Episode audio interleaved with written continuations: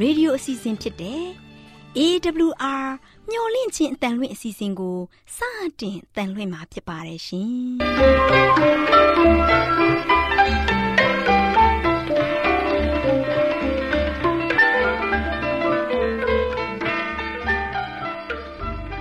တော်တာရှင်များခင်ဗျာမျော်လင့်ခြင်းအတန်မြန်မာအစီအစဉ်ကိုနက်နက်6နိုင်မိနစ်30မှ9နာရီအထိ16မီတာ kHz 10653ညညပိုင်း9နာရီမှ9နာရီမိနစ်30အထိ16မီတာ kHz 19533ညမှ နေ့စဉ်အတန်လှွင့်ပေးနေပါတယ်ခင်ဗျာ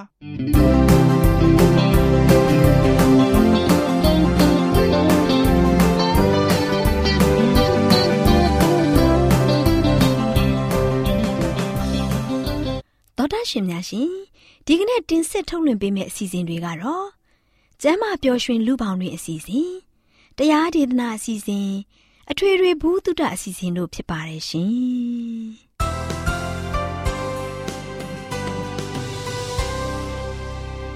တော်တာရှင်များရှင်အာရော temperament လာပန်ကျမ်းမာခြင်းသည် လူသားတိုင်းအတွက်အဓိကအရေးဖြစ်ပါသည်ဒါကြောင့် ကိုရောစိတ်ပါကျမ်းမာစေဖို့ယင်ကျမ်းမာခြင်းတရင်ကောင်းကို တင်ဆက်ပေးလိုက်ပါတယ်ရှင်။သောတာရှင်ပေါင်းတို့ရှင်ဒီနေ့ကျမ်းမာခြင်းကန္တအစီအစဉ်မှာအစာအိမ်ကင်ဆာယောဂအကြောင်းကို တင်ပြပေးမှာဖြစ်ပါတယ်ရှင်။သောတာရှင်ပေါင်းတို့ရှင်ကင်ဆာဆိုတဲ့စကားကို ကြားလိုက်ရတဲ့သူတိုင်းမှာဧကံပဲအမှန်သေးရမယ်။ကုသလို့မရဘူးလို့ထင်မှတ်မှားနေကြပါတယ်။ကင်ဆာယောဂမှာ အများထင်မှယူဆထားသလို ကုသလို့မရတဲ့ယောဂမဟုတ်ပါဘူး။ဒါပေမဲ့ကင်ဆာယောဂကို အချိန်နှောင်းမှသိရှိကြရတဲ့အတွက်ကုသချိန်နှောင်းသွားရခြင်းဖြစ်တယ်။ကင်ဆာယောဂကြောင့်သေဆုံးမှုနှုန်းမြင့်မားရခြင်းမှာအချိန်မီစောစီးစွာမသိရှိဘူးကုသမှုမခံယူရခြင်းနဲ့အချိန်လိုမှသိရှိရပြီးကင်ဆာကုသတဲ့ဆေးဝါးတွေရဲ့ဆိုးကျိုးကိုမခံနိုင်တော့ခြင်းကြောင့်ဖြစ်တယ်။2000ပြည့်နှစ်မှတ်တမ်းအရ တကဘာလုံးမှာကင်ဆာရောဂါဖြစ်တဲ့လူနာပေါင်း10သန်းလောက်ရှိပြီးတော့အဲ့ဒီအနှစ်မှာ6သန်းလောက်မှာကင်ဆာရောဂါကြောင့်သေဆုံးခဲ့ရတယ်။ကင်ဆာရောဂါမှာဆင်းရဲချမ်းသာလူဒန်းစားမရွေဖြစ်ပွားနိုင်တဲ့ရောဂါဖြစ်တယ်။ကင်ဆာရောဂါအမျိုးမျိုးရှိတဲ့အနက်အဆုတ်ကင်ဆာရောဂါဟာသေဆုံးမှုအများဆုံးဖြစ်ပြီးအစာအိမ်ကင်ဆာရောဂါဟာ ဒုတိယသေဆုံးမှုအများဆုံးဖြစ်ပါတယ်။အစာအိမ်ကင်ဆာရောဂါဟာယောက်ျားများမှာမိန်းမများထက်ဖြစ်ပွားမှုနှုန်းမှာနှစ်ဆမြင့်မားတတ်ပါတယ်။အသက်50ကျော်မှစပြီးယောက်ျားများမှာမိန်းမများထက်တိတိသာသာပိုးပြီးတော့ဖြစ်ပွားလေးရှိတယ်ဆိုတာသိရှိရတယ်။အဲ့ဒီအစာအိမ်ကင်ဆာရောဂါဟာဂျပန်တရုတ်နဲ့တောင်အာဖရိကနိုင်ငံတွေမှာ အများဆုံးဖြစ်ပွားလေးရှိတာကိုလည်းသိရှိရတယ်။သောတရှင်ပေါင်းတို့ရှင်သမုတ်တရားဝန်းတထွားဆိုသလိုပဲဖြစ်လို့မပြည့်နိုင်တဲ့အဲ့ဒီအစာအိမ်ဟာအစာအစာကြောင့်ပဲကင်ဆာရောဂါကို ဖြစ်ပွားစေခဲ့တယ်။အစာအစာများမှာတာရှည်ခံနိုင်အောင် ပြုလုပ်ထားတဲ့အစာအသောက်တွေဥပမာငါးတစ်တာရန်စိမ်းပါတဲ့အစာအသောက်တွေဥပမာဝက်ဥချောင်းကြက်ဥချောင်း စားနေပြီးမပုတ်မတိုးအောင် အချောက်ခံထားတဲ့အစားအသောက်တွေဥပမာငချောက်အချင်ဖောက်ထားတဲ့ဟင်းသီးဟင်းရွက်တွေတန့်ရှင်းလက်ဆမှုမရှိတဲ့အသီးအနှံဟင်းသီးဟင်းရွက်တွေကို စားသုံးသူတွေဟာအချိန်ကြာမြင့်လာတာနဲ့အမျှအစာအိမ်ကင်ဆာဖြစ်ပွားမှုနှုန်းပိုမိုမြင့်မားစေပါတယ်။သောတာရှင်ပေါင်းတို့ရှင်ဒါအပြင်ဆေးလိပ်အရက်တို့ကို အလွန်အကျွံတောက်သုံးသူတွေမှာ အစာအိမ်ကင်ဆာဖြစ်ပွားမှုနှုန်း၃ဆလောက်ပိုမိုမြင့်မားတာကို တွေ့ရှိရတယ်။ဒါအပြင်ဆေးလိပ်အရက်တို့ကိုအလွန်အကျွံတောက်သုံးသူတွေမှာအသည်းကင်ဆာဖြစ်ပွားသူများရဲ့60မှ80ရာနှုန်းမှာ Helicobacter pylori ဆိုတဲ့ယောဂပိုးတစ်မျိုးကြောင့်ဖြစ်ပွားတာကို တွေ့ရှိရတယ်။အထူးသဖြင့်အစာအိမ်ကိုတပိုင်းတစဖြတ်တောက်ပြီးကုသမှုခံယူထားတဲ့သူများမှာ အစာချေရည်ထွက်မှုနည်းခြင်းကအဲ့ဒီပိုးကို ပေါက်ဖွားမှုအားအထောက်အကူပြုတာကို တွေ့ရှိရတယ်။ဒါကြောင့်အဲ့ဒီလိုလူတွေမှာအစာအိမ်ကင်ဆာပိုမိုဖြစ်ပွားတာကို တွေ့ရှိရတယ်။ဒဒါအပြင် အစာအိမ်ကင်ဆာဟာသွေးအမျိုးအစားအေအုပ်စုမှာအဖြစ်များတာကို လေ့လာစမ်းသပ်ချက်များအရသိရှိခဲ့ရတယ်။အစာအိမ်ကင်ဆာဖြစ်ပွားတဲ့နေရာများမှာ အထူးသဖြင့် အစာအိမ်ရဲ့အဝင်ဝနဲ့အစာအိမ်ရဲ့အထွက်ပိုင်းတို့မှာ ဖြစ်ပွားမှုများ80ရာခိုင်နှုန်းလောက်ရှိတာကို တွေ့ရှိရပါတယ်။အစာအိမ်ကင်ဆာယောဂခံစားရတဲ့လက္ခဏာတွေမှာယောဂဖြစ်ပွားသူရဲ့ထက်ဝက်ခန့်မှာနာကျင်မှုကိုခံစားကြရတယ်။အထူးသဖြင့်ရင်ညွတ်ရိုးအောက်ဘက်ပိုင်းမှာ အလုံးအကျိတ်ရှိနေတတ်တယ်။ယောဂဖြစ်ပွားသူတွေရဲ့သုံးပုံနှစ်ပုံခန့်မှာ ခန္ဓာကိုယ်အလေးချိန်လျှော့ကျလာတာကို တွေ့ရှိရတယ်။ပြုတ်ခြင်း၊အန်ခြင်း၊အစာမျိုးရခက်ခဲခြင်းစသည်တို့ကိုလည်းခံစားရတတ်ပါတယ်။ဝမ်းသွားတဲ့အခါမှာသွေးပါလာတတ်ပါတယ်။သွေးအားနည်းခြင်းဒါတွေကိုလည်းခံစားရတတ်တယ်။ဒါအပြင် အစာအိမ်ကင်ဆာမှတခြားနေရာတွေကို ပြန့်နှံ့သွားခြင်းကြောင့်သွေးအန်ခြင်းအသေးကြီးလာခြင်း တဏှာရည်ကလင်းတွေကြီးပြီးရောင်လာခြင်းတွေနဲ့အယိုးများမှာနာကျင်မှုရောင်ရမ်းမှုတို့ကိုလည်းခံစားရတတ်ပါတယ်။အဲ့ဒီအစာအိမ်ကင်ဆာယောဂအတွေ့အထိရောက်ဆုံးကုသခြင်းမှာခွဲစိတ်ကုသခြင်းဖြစ်တယ်။တခြားခေတ်မီကုထုံးနည်းတွေနဲ့လည်းကုသမှုကိုခံယူနိုင်ပါတယ်။ဒါပေမဲ့ယောဂအခြေအနေမှာဆိုးရွားပြီးအသိနောက်ကျခဲ့လို့ရှိရင်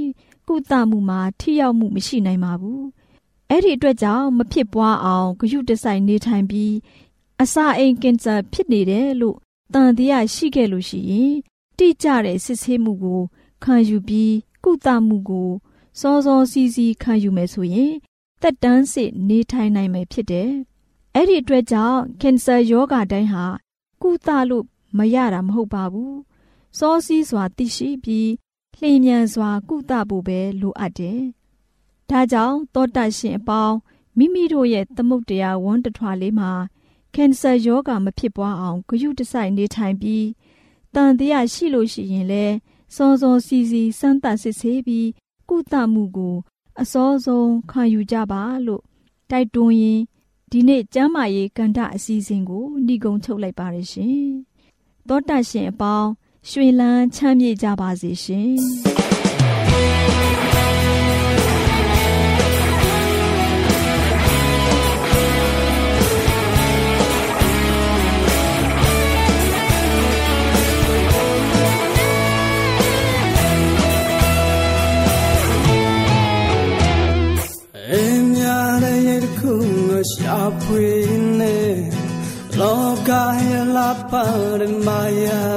ပြုံးများနူညာနဲ့နှလုံးသားသူတိမ်ပိုက်သွားပြီ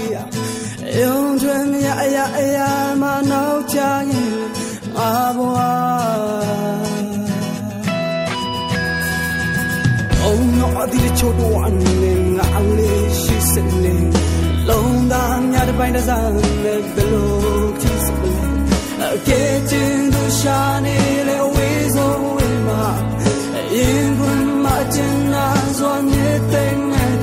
သူ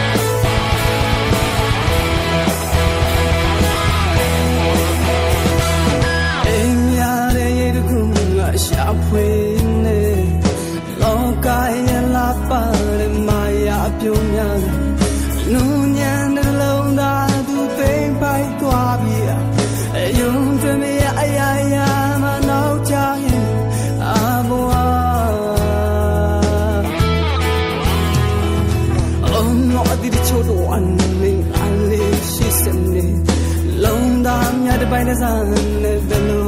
ဖြစ်စမလဲ Okay တင်လူရှာနေတဲ့ဝေးစိုးဝင်မှာတော်တရှင်များရှင်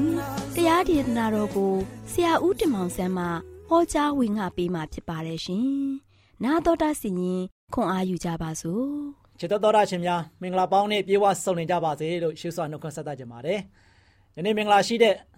နေ့မှာတို့ရှင်ရင်မျော်လင့်ခြင်းဓမ္မဒေသနာကနေမှ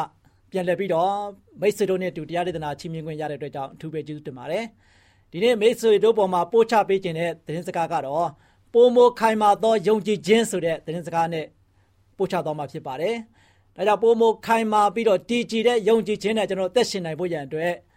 ဒီသတင်းစကားပေါ်မှာလို့ရှိရင်ဘုရားရှင်တူပါရှိဖို့ရန်အတွက်ခိတ္တခဏဆုတောင်းကြပါစို့။အထက်ကောင်းငယ်ပုံ၌တရှိတော်မူသောဖဖျားကိုရရဲ့ကျေးဇူးတော်မင်္ဂလာကိုမြောက်များစွာခံစားရပါ၏။ယနေ့မင်္ဂလာရှိတဲ့နေ့တစ်မှာ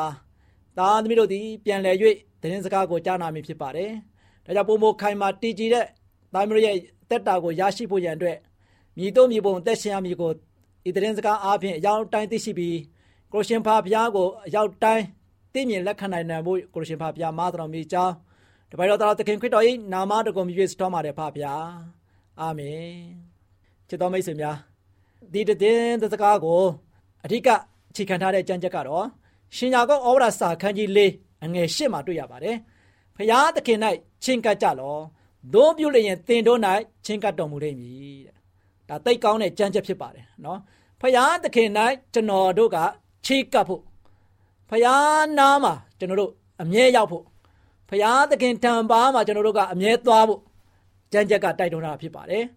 အဲ့ဒီလိုမျိုးကျွန်တော်တို့ဖျားနဲ့တူလက်တွဲပြီးတော့ဖျားဒီမှာချင်းကပ်တဲ့ခါမှာတဲ့ ဖျားသခင်ကကျွန်တော်တို့နဲ့တူချင်းကပ်တော်မူလိမ့်မယ်ဆိုပြီးတော့ပြောထားပါတယ်။ဒါကြောင့်ယနေ့ခေတ်ခက်ထန်ကြမ်းတမ်းလာတဲ့ကဘာကြီးပေါ်မှာအသက်ရှင်နေရတဲ့အတွက်ကြောင့်လုံခြုံမှုဆိုတာပြေဝမှုရှိတဲ့နေရာဘယ်နေရာမှရှိမှာမဟုတ်ဘူးနော်မတည်ငြိမ်မငြိမ်သက်တဲ့ဒီကဘာကြီးပေါ်မှာကျွန်တော်တို့ကတည်ငြိမ်အေးချမ်းဖို့ရန်အတွက်ဖျားကိုချင်းကပ်ဖို့လိုတယ်။ဘာကြောင့်ဖျားကိုချင်းကပ်ဖို့လိုတယ်လဲ။ဖျားကကျွန်တော်တို့ကိုသိချစ်ပြီးတော့ ကွယ်ကာပေးတဲ့အရှင်ဖြစ်တဲ့အတွက်ကြောင့်ဖြစ်တယ်။ဖခင်ကကျွန်တော်တို့ကိုအမြဲကူညီတယ်။အမြဲဆောင်မပြီးတော့ပို့ဆောင်တယ်။ကျွန်တော်တို့သွားတဲ့နေရာတိုင်းမှာဖခင်ပါရှိတယ်။နေ့စဉ်နဲ့ရက်မြနိုင်မိနစ်စက္ကန့်မပြတ်ဖဲနဲ့ဖခင်ကကျွန်တော်တို့ကိုပို့ဆောင်ပေးတယ်။အဓိကကတော့ကျွန်တော်တို့ဖခင်ထံအရောက်လန်းလာပြီးတော့မိမိကိုယ်ကိုစက္ကန့်အံ့နာဖို့ဖြစ်တယ်ချစ်တော်မိတ်ဆွေ။ ဒါကြောင့်ဘုရားသခင်ကကျွန်တော်တို့ကိုဒီလောက်တောင်းမှချစ်ပြီးတော့လမ်းပြနေတဲ့ဘုရားနာမှာကျွန်တော်တို့မသွားဘူးဆိုရင်တော့ကျွန်တော်တို့ရဲ့အသက်တာကဘယ်လိုမျိုးသက်ရှင်တဲ့ခါမှာရင်ဆိုင်ရတဲ့အရာတွေကဘာတွေနဲ့တိုက်လန်နေရမလဲကျွန်တော်မိမိကိုယ်ကိုမိမိသုံးသပ်ဖို့ဖြစ်ပါတယ်။မဒါဝိဒ်နဲ့ဂေါလိယကိုကြည့်ရအောင်နော်။ဒါဝိဒ်ကဂေါလိယကိုသွားပြီးတော့စစ်တိုက်တယ်။ဒီဒါဝိဒ်ကတော့တိုးကြောင်သားတောတောင်ရှုံမြောင်တဲမှာလို့ရှိရင်ကျင်လည်ပြီးတော့ သူကသိုးကြောင်းနေတဲ့သူတယောက်ဖြစ်တယ်။ဂေါလိယကတော့စစ်ဘရင်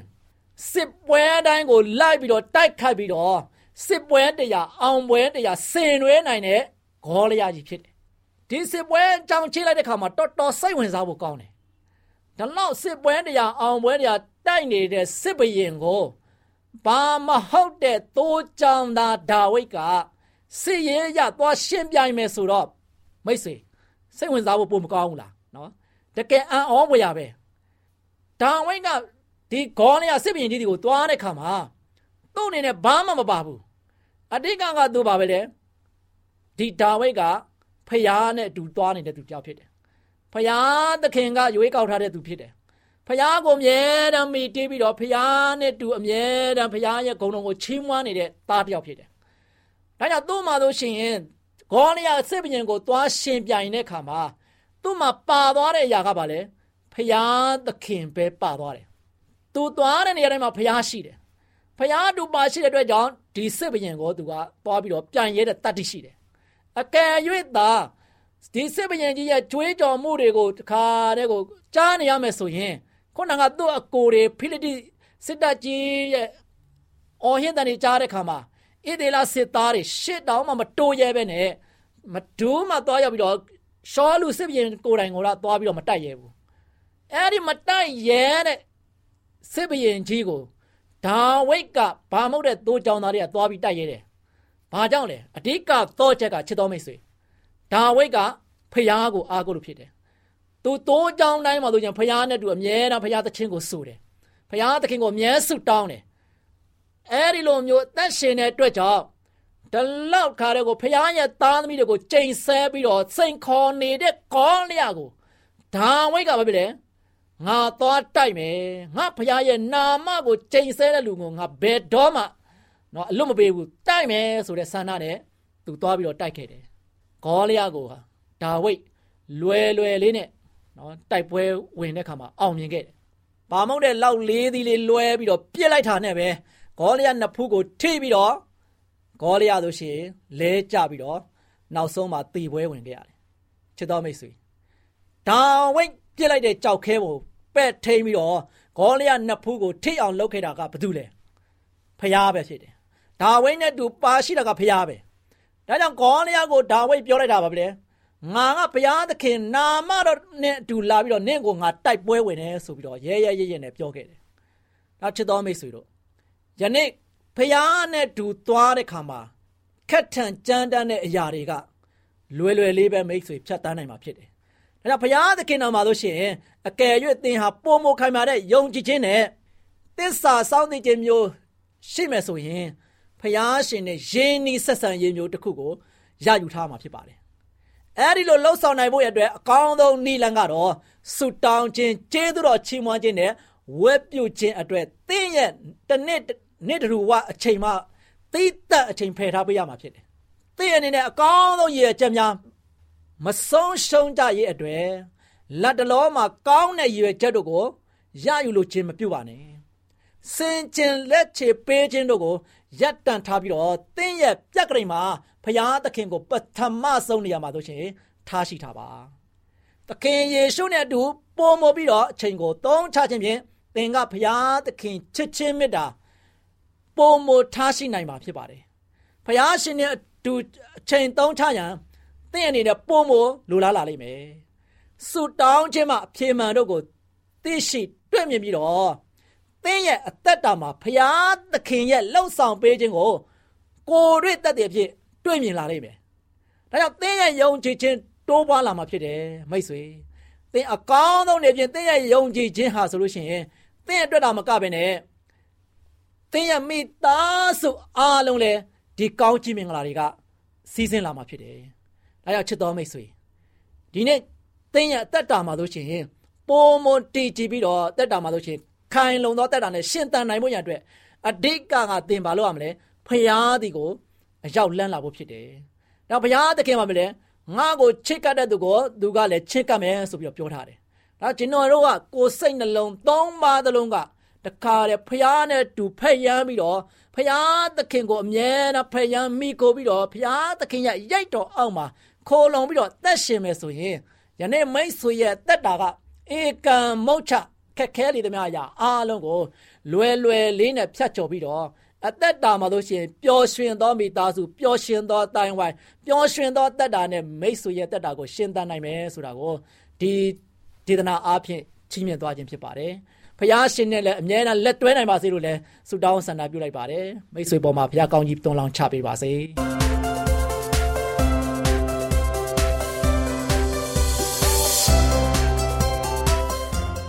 မျော်လင့်ခြင်းတန်တော်တာရှိများကိုတာယာပျော်ရွှင်ပဲကောင်းတဲ့နေ့ရက်လေးဖြစ်ပါစေလို့နှုတ်ခွန်းဆက်သလိုက်ရပါတယ်ရှင်။ တောတရှင်များရှင်စကားပြေသာမင်္ဂလာစီစဉ်မှာကာယလိုအပ်ချက်များဤတူညာနာလိုအပ်ချက်များသည်လည်းအရေးပါခြင်းဆိုတဲ့အကြောင်းကို တင်ပြပေးသွားမှာဖြစ်ပါတယ်။လေးစားရတဲ့တောတရှင်များရှင်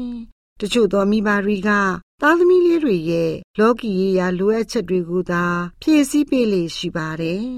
တနည်းအားဖြင့်နေမကောင်းတဲ့ကလေးကို ပြုစုလိုက်ရင်ကိုယ်တာဝန်ကျေပွန်ပြီလို့ထင်နေကြပါတယ်။ အမှန်တော့ဒီလိုလှုပ်ဆောင်မှုသားမကစိတ်ပိုင်းဆိုင်ရာလိုအပ်ချက်ကိုလည်းဂရုစိုက်ပေးရမှာဖြစ်ပါတယ်။လေးစားရတဲ့မိဘများတို့ဒဏ်ရာရထားတဲ့စိတ်ကိုတင့်တော်တဲ့ဆေးဝါးနဲ့ကုသပေးဖို့ကကျွမ်းကျင်မှုလိုအပ်ပါတယ်။လေးစားရတဲ့မိတ်ဆွေများတို့အသက်ကြီးသူတွေမှာဇာရိတပိုင်းဆိုင်ရာဝမ်းနည်းစရာတွေရှိသလိုလူငယ်တွေမှာလည်းမကြော်လွှားနိုင်တဲ့ခက်ခဲမှုစမ်းသပ်မှုတွေလည်းရှိနေပါတယ်။ ကျမတို့မိဘတွေအနည်းနဲ့အမြဲတမ်းစိတ်တည်ငြိမ်သူတွေမဟုတ်ကြပါဘူး။မကြာခဏစိတ်ရှုပ်ထွေးမှုတွေကိုလည်းခံစားရတတ်ပါတယ်။ဒါကြောင့်မို့လဲတခါတရံစိတ်ရဲ့ခံစားမှုအောင်မှာမှားရင်းစွာနဲ့လှုပ်ဆောင်တတ်ကြပါတယ်။စကားပြောရမှာကလေးတွေရဲ့ဒေါသစိတ်ကိုနှိုးထစီးတဲ့ကြံကြံရံရံပုံစံတွေနဲ့ပြောတတ်ကြပါတယ်။ တခါတလေမှလည်းစိုးရိမ်ပူပန်တဲ့ပုံစံတွေနဲ့ပြောတတ်ကြပါတယ်။တခါတလေမှလည်းကလေးတွေလုပ်သမျှမှားနေတဲ့ပုံစံနဲ့ပြောတတ်ကြပါတယ်။ဒါကြောင့်ကလေးတွေပဝန်းကျင်မှာစိတ်ပူပန်စရာတွေမနစ်မြို့စရာတွေနဲ့ဝန်းရံနေတတ်ပါတယ်။အဓိကအကြောင်းရင်းကမိဘများနဲ့အုပ်ထိန်းသူရဲ့မှားယွင်းမှုတွေကြောင့်ဖြစ်တာဆိုတာကိုသိနေပေမဲ့ ဖြစ်သည်များမကောင်းမှုတွေအပေါ်ကလေးတွေကိုသာအပြစ်ပုံချနေကြပါတယ်။ကလေးတွေကိုနားကောက်သူရိုင်းဆိုင်သူအဖြစ်မိမိကိုယ်ကိုထင်မြင်သွားအောင် လုပ်နေကြပါတယ်။လေးစားရတဲ့မိဘများတို့သားသမီးလေးတွေမှာခြားနာတဲ့စိတ်နေသဘောထားတွေရှိနေတဲ့အတွက်စီကံတစ်မျိုးတည်းနဲ့တွန်းတင်ဖို့မဖြစ်နိုင်ပါဘူးမိခင်များတို့ကလေးတွေနဲ့ရင်းရင်းနှီးနှီးနေကြပါ ကလေးတွေကိုတင့်တော်လျှောက်ပတ်စွာတွန်းတင်ဆုံးမနိုင်ဖို့ကလေးတွေရဲ့စိတ်နေသဘောထားတွေကိုလေ့လာသုံးသပ်ကြပါဒါပေမဲ့တချို့ကလေးတွေကိုတော့ပိုပြီးဂရုစိုက်ဖို့လိုအပ်ပါတယ်တချို့ကလေးတွေကိုစိတ်ရှည်ရှည်နဲ့အချိန်ယူဆုံးမဖို့လိုအပ်ပါတယ်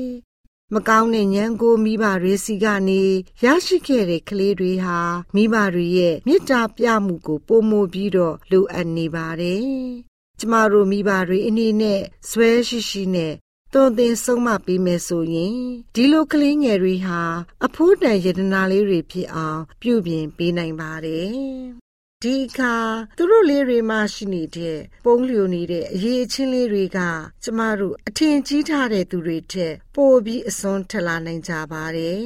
။ လေးစားရတဲ့မိတ်ဆွေများတို့ကျမတို့မှာထူးခြားစိတ်ဓာတ်ရှိတဲ့ကလေးတွေရှိနေရင်ဒီထူးခြားချက်တွေကြောင့်သူတို့ကိုစိတ်တက်ကြအောင်မလုပ်ပါနဲ့စိတ်ရှိရှိနဲ့မေတ္တာထားပြီးကူညီပါကျင်နာတဲ့အပြုအမူတွေနဲ့ဆက်ဆံကြရပါမယ်ငယ်ရွယ်နှုပြိုတဲ့သားသမီးလေးတယောက်ရဲ့စိတ်သဘောထားကိုမိတ်ဆွေထင်ထားတာထက်ပိုပြီးထိရအောင်ပြုပြင်ပေးနိုင်ပါတယ် ခရစ်တော်ရဲ့မွန်မြတ်တဲ့နာမတော်ကတအိမ်သားလုံးအသုံးပြုနေတဲ့စကားလုံးဖြစ်တင်ပါတယ်တော်တာရှင်မိသားစုဝင်များအားလုံးပေါ်မှာသာရဘုရားသခင်ထံတော်မြတ်စီမှာငြိမ်သက်ခြင်းကောင်းကြီးမင်္ဂလာများတုံးလုံးချပေးပါစေလို့ဆုတောင်းပေးလိုက်ရပါတယ်ရှင်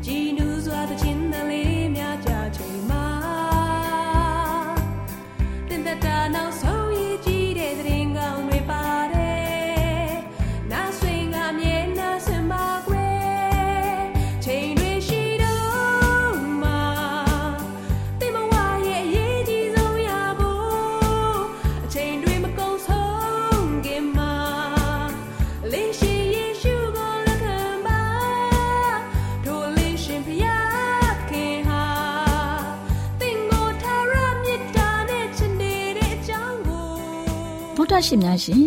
ကျမတို့ရဲ့ဗျာဒိတ်တော်စပေးစာယူသင်တန်းဌာနမှာ အောက်ပါသင်တန်းများကိုပို့ချပေးလျက်ရှိပါတယ်ရှင်သင်တန်းများမှာ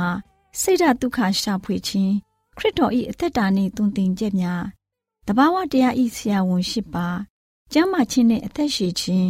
သင်နှင့်သင်ကျမ်းမာရေးရှာဖွေတွေ့ရှိခြင်းလမ်းညွန်သင်ခန်းစာများဖြစ်ပါရဲ့ရှင်သင်တန်းအလုံးဟာအခမဲ့သင်တန်းတွေဖြစ်ပါတယ်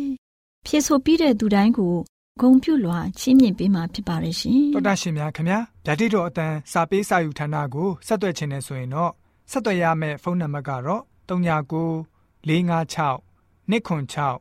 336နဲ့39 98 316 694ကိုဆက်သွယ်နိုင်ပါတယ်ဓာတိတော်အတန်းစာပေးစာယူဌာနကိုအီးမေးလ်နဲ့ဆက်သွယ်ခြင်းနဲ့ဆိုရင်တော့ l a l r a w n g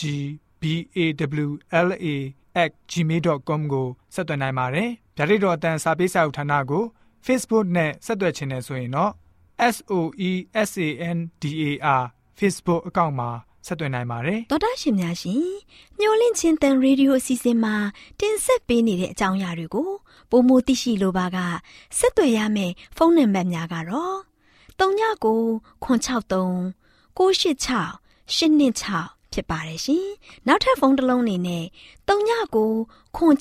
088 0669တို့ဆက်သွယ်မြင်းမြန်းနိုင်ပါတယ်ရှင်။တော်တာရှင်များရှင် KSTA အာကခွန်ကျွန်းမှာ AWR မျိုးလင့်ချင်းအတံမြန်မာအစီအစဉ်များကိုအတံလွှင့်ခဲ့ခြင်းဖြစ်ပါတယ်ရှင် AWR မျော်လင့်ခြင်းအတန်ကိုနာတော်တာဆင် gay ကြတော့တောတာရှင်အရောက်တိုင်းပေါ်မှာ